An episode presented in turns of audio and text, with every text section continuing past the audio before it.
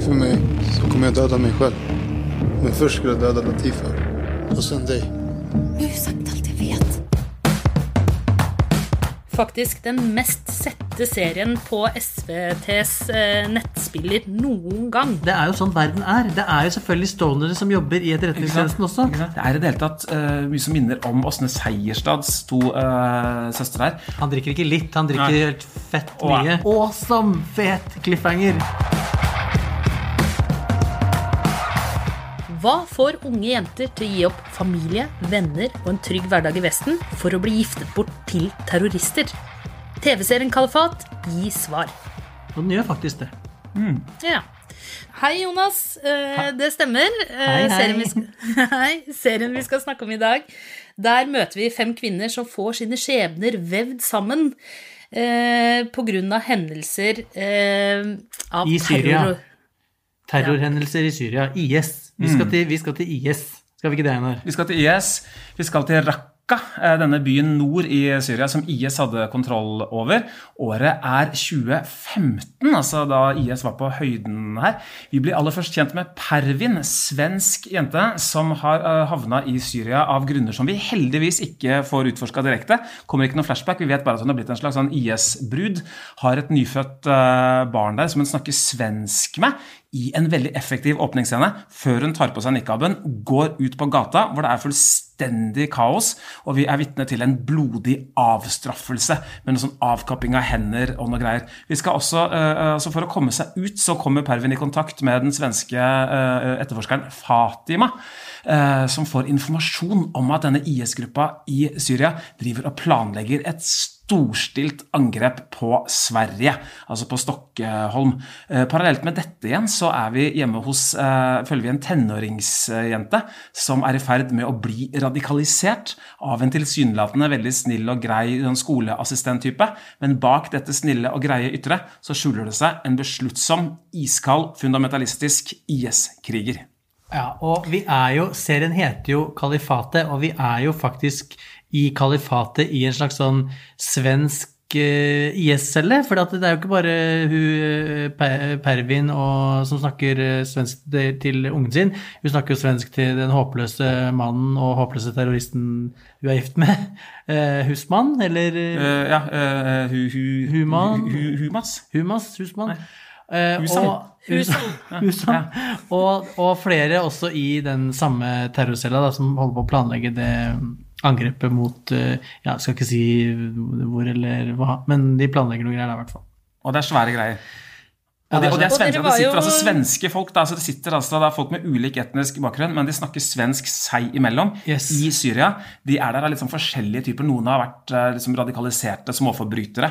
Andre er liksom mer sånn hardcore, kommer ut fra mer sånn eh, kanskje ytterliggående moskeer. Ja. Eller bare triste, triste skjebner som ikke hadde noe sted å henvende seg, og har blitt eh, sugd inn i gørra uten helt å vite hva de var med på, og har mangel på noe annet, egentlig. Eh, som dere sier, det er jo en svensk serie, det her. Og ble, det var den store dramasatsingen til SVT i fjor, som nå har da blitt kjøpt opp. Altså rettighetene har blitt kjøpt opp eh, av Netflix, og den går nå på Netflix hvis man skal se den i Norge. Serien gikk jo rett inn i da eh, innvandringsdebatten i Sverige. Et ganske sånn betent debatt eh, hvor du har steile fronter, og den skapte masse diskusjoner i fjor, og var, etter hva jeg har hørt, faktisk den mest sette serien på SVTs eh, nettspiller noen gang. Men hvordan har det seg, for det lurte jeg på også når jeg så introen, at, at den er på en måte, det er en samproduksjon eh, på, med Netflix og SVT, så da har den blitt sluppet av SVT først på SVT Play, og så har eh, Netflix fått liksom second rights. Det er veldig ulikt, eh, veldig unetflixete. Man skulle jo tro at det var NRK som tok over disse SVT-produksjonene, Ja, eh, for eksempel.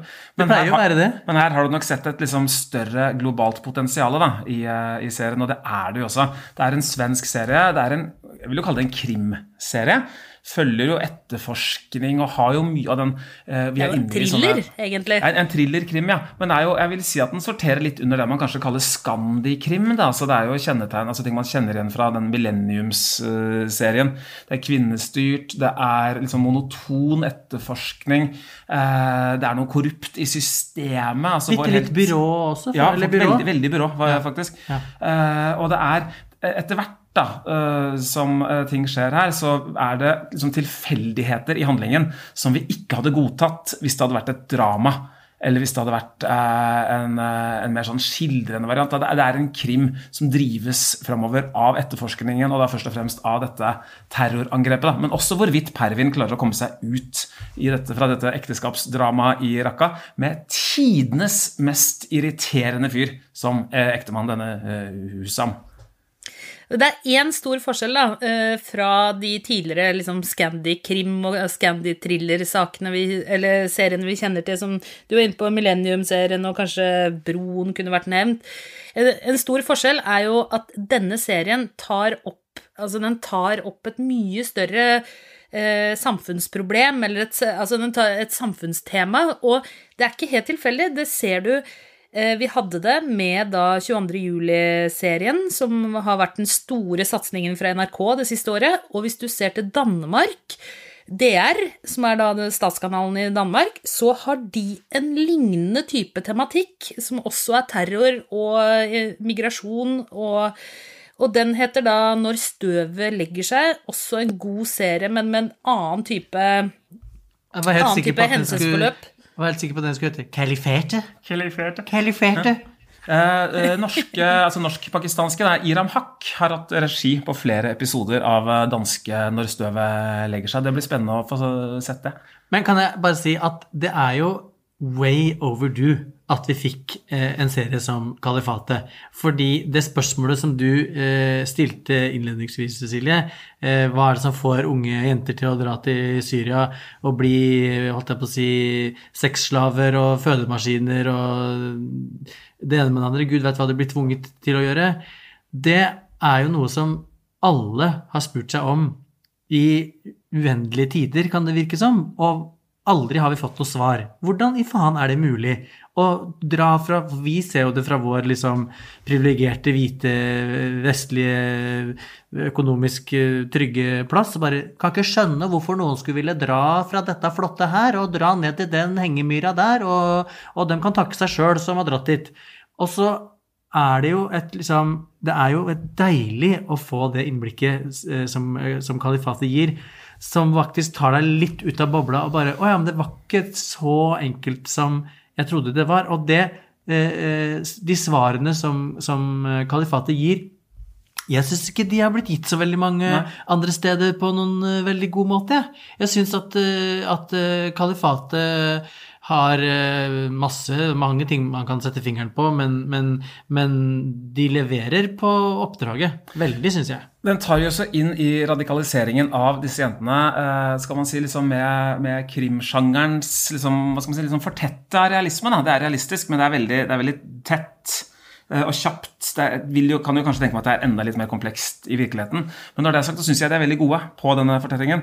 Eh, og at eh, vi særlig kommer inn i familien til to søstre. Det er i det hele tatt eh, mye som minner om Åsne Seierstads to søstre her.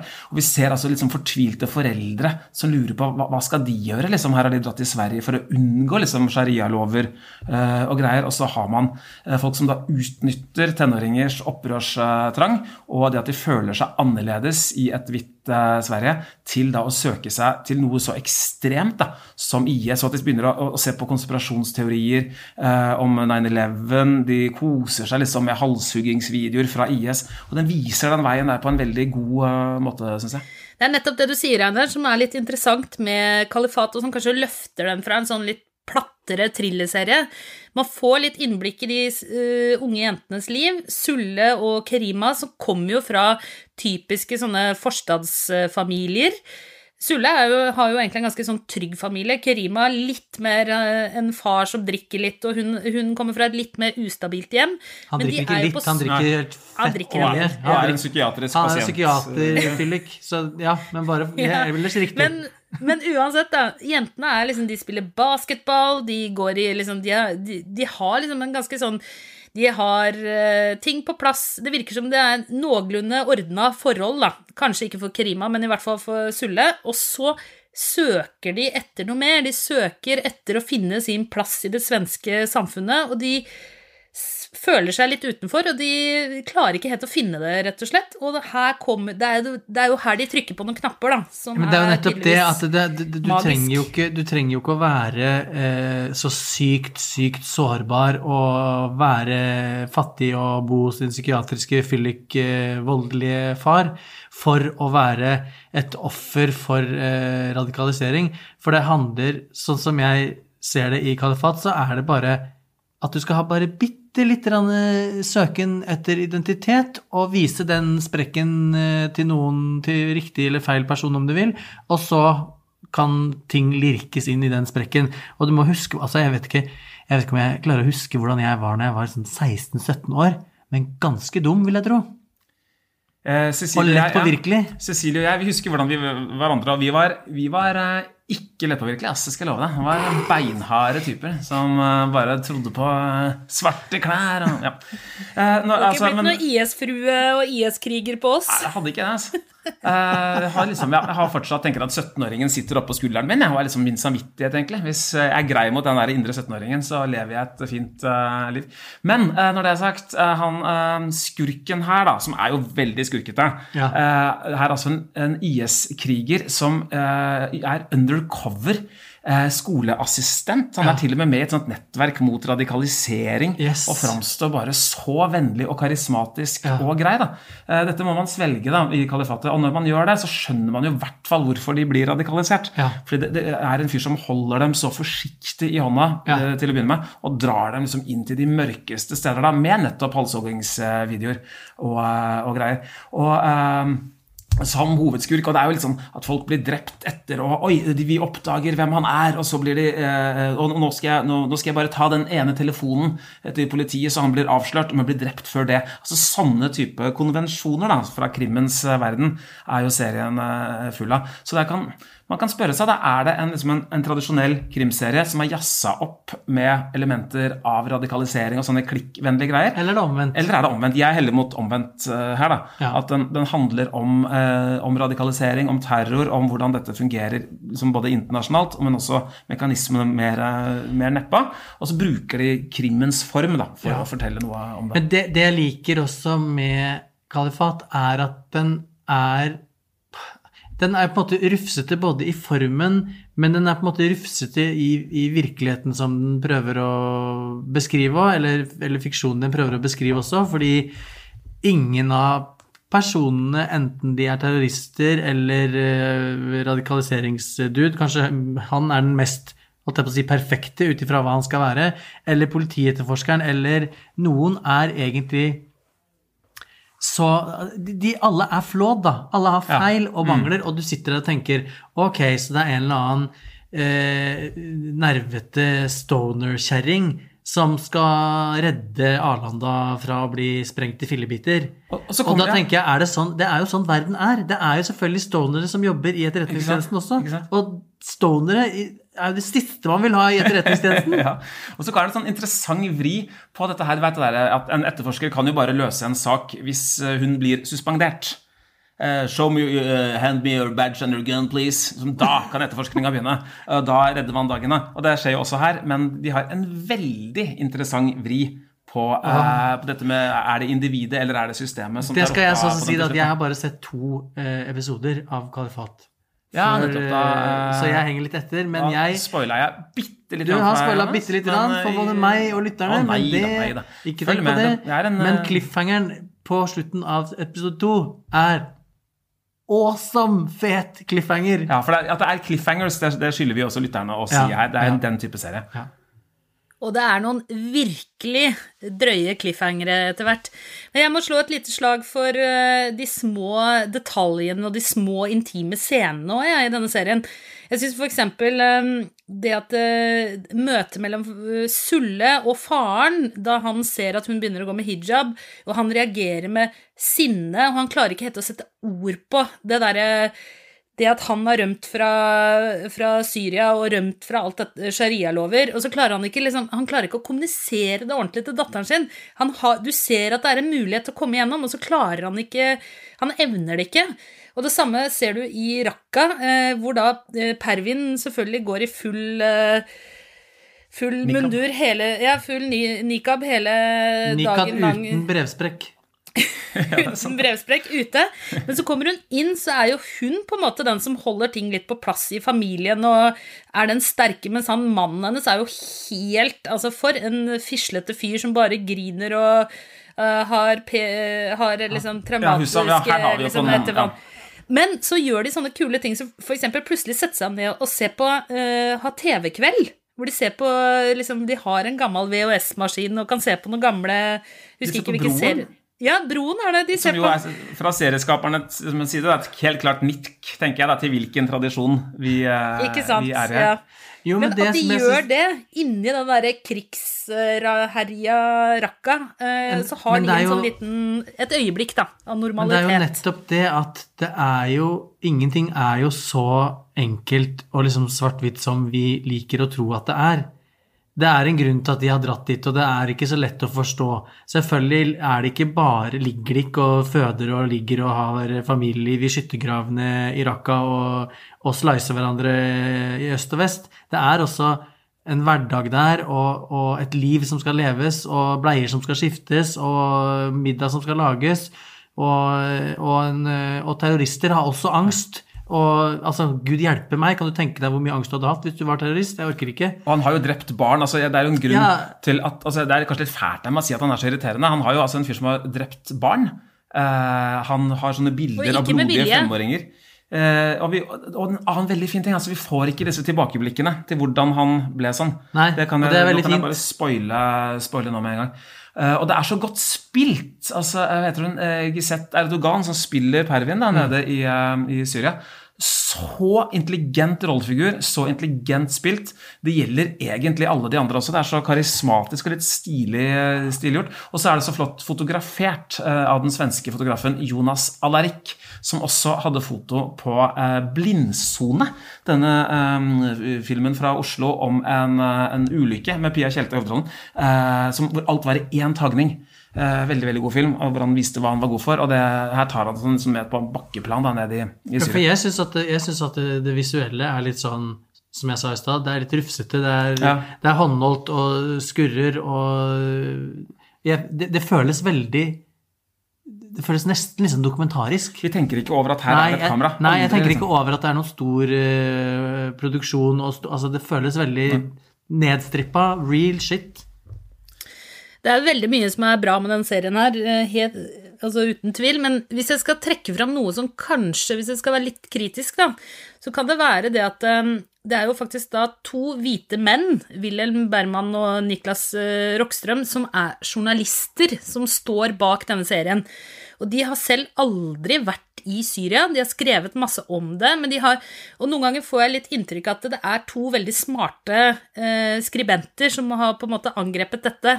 Og svakhetene ved å ikke på en måte ha vært på innsiden selv, da, kommer kanskje mest fram, syns jeg, hos de unge jentene.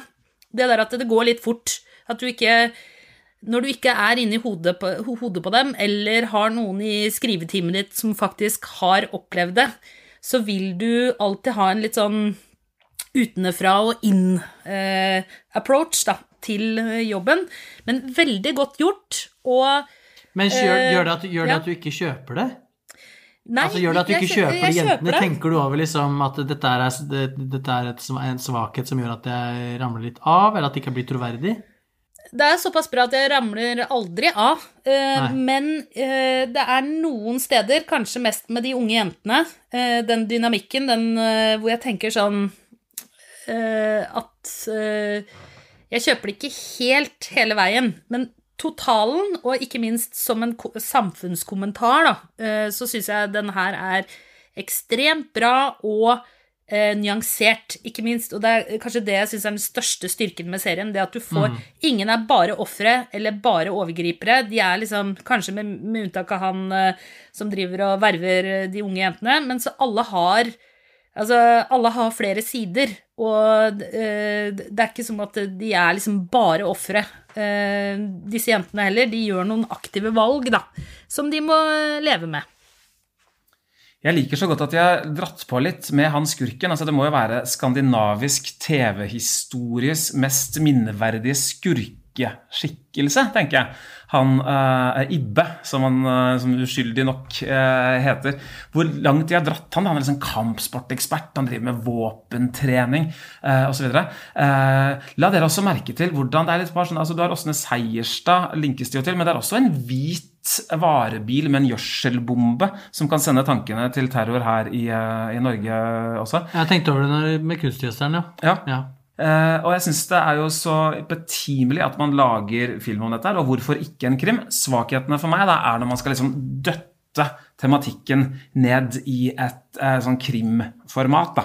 Uh, men jeg syns ikke det er gjort altså, Og det er et par sånne tilfeldigheter som sagt, altså, som man aldri hadde godtatt hvis det ikke hadde vært krim. Men jeg syns det funker godt nok til at jeg satt og beit negler til siste slutt. altså, Og binsja det ja, i to store jafser her.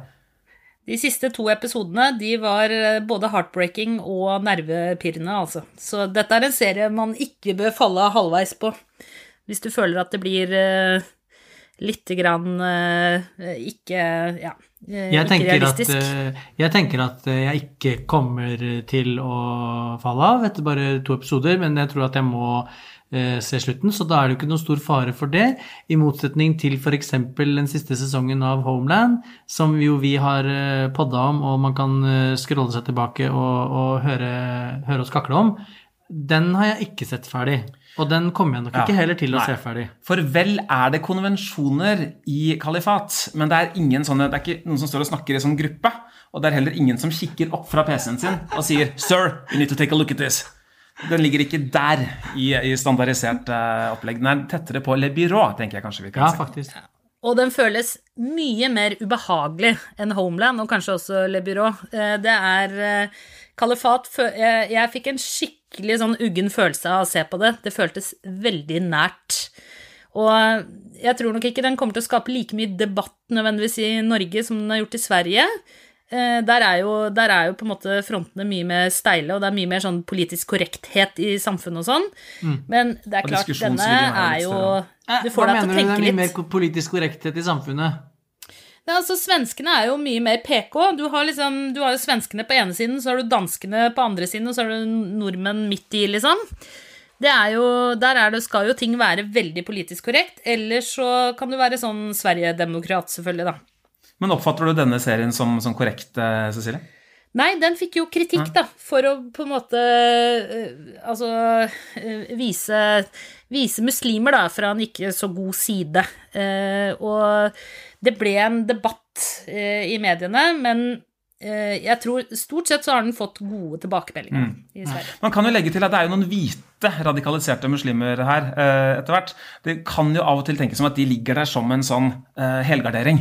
Eh, for å få mot eh, eh, rasisme, da. Så det, er jo et poeng der, Cecilie. Helt klart. Ja, ikke det at det ikke har vært hvite, verken svensker eller nordmenn som har, har blitt muslimer og blitt radikalisert og endt opp ja, Ja. både hit og dit. Men eh, la oss, eh, la oss tomla. Yes, jeg begynner, jeg. Eh, vet du hva? Jeg kjører på faktisk med to tomler. Eh, jeg har sett hele Kalifat, og eh, hvis det kommer en sesong to, så kommer jeg til å kaste meg over den. To tomler, og slenge på et eh, tips til. På NRKs eh, eh, nettspiller kan du også si når Si, du kan se. Du kan også se Når støvet legger seg, den danske store dramaserien som også handler om et terrorattentat fra i fjor. En helt annen type serie, men også veldig bra. Jeg eh, sier eh, Jeg sier én tommel. Oi. Det er bra. Det er veld, nei, det er veldig bra. Det er spennende. Jeg kan driste meg til halvannen, men, men det, er, det, er ikke noe, det er ikke grensesprengende. Det er ikke grensesprengende på noe vis, annet enn at det er bra. Og det er bra skuespillerprestasjoner, og det er bra at det lages en sånn serie om det på den måten. Men to fulle tomler, det er det ikke. Verdt å se, absolutt. Maks halvannen. Kanskje du må retomle når du har sett hele serien, Ja. Jonas? Ja, men ut ifra de to første episodene, som jeg har sagt flere ganger nå, én til halvannen. Ok. Hvis jeg skulle kasta terning på kalifat, og når jeg tenker meg om, så har jeg faktisk gjort det, da ville jeg kasta en eh, svak femmer. Og det betyr jo selvfølgelig altså Det betyr at det ikke er noe eh, banebrytende, liksom, men det betyr jo at det er en klar anbefaling på sine premisser. Så to tomler fra denne karen. Det er to femmertomler fra meg òg. Det er ikke en sekser, men det er en eh, god femmer. Og til sammen da så har vi fem tomler. Så det, det var Ja, min ikke en femmer. Ja. Ja. Så flink du er til å regne, Jonas. Åh! Skal vi gå dit, altså? Ja? Kalifat kan dere altså da se på Netflix. Eh, skal du gi noen beskjeder til våre lyttere, Einar? før oh, herregud. Det passer jo nå, men det er svensk. Det her håper jeg blir klippet bort. eh, sånn, sånn. Anslagstavlan. Ikke glem å følge oss på Facebook. Der skjer det så mye gøy om dagen. Og ikke glem å hooke av på sånn abonner eller følg med der du hører denne podkasten. Enten det er Spotify eller iTunes eller hva som helst. Og følg oss på Instagram også. Ok, boomer. I studio i dag Jonas Brenna, Einar Aarvik, jeg heter Cecilie Asker. Produsent var David Vekoni. Ansvarlig redaktør er Trine Eilertsen. Klippen du hørte, var fra SVT og Netflix. Vi høres.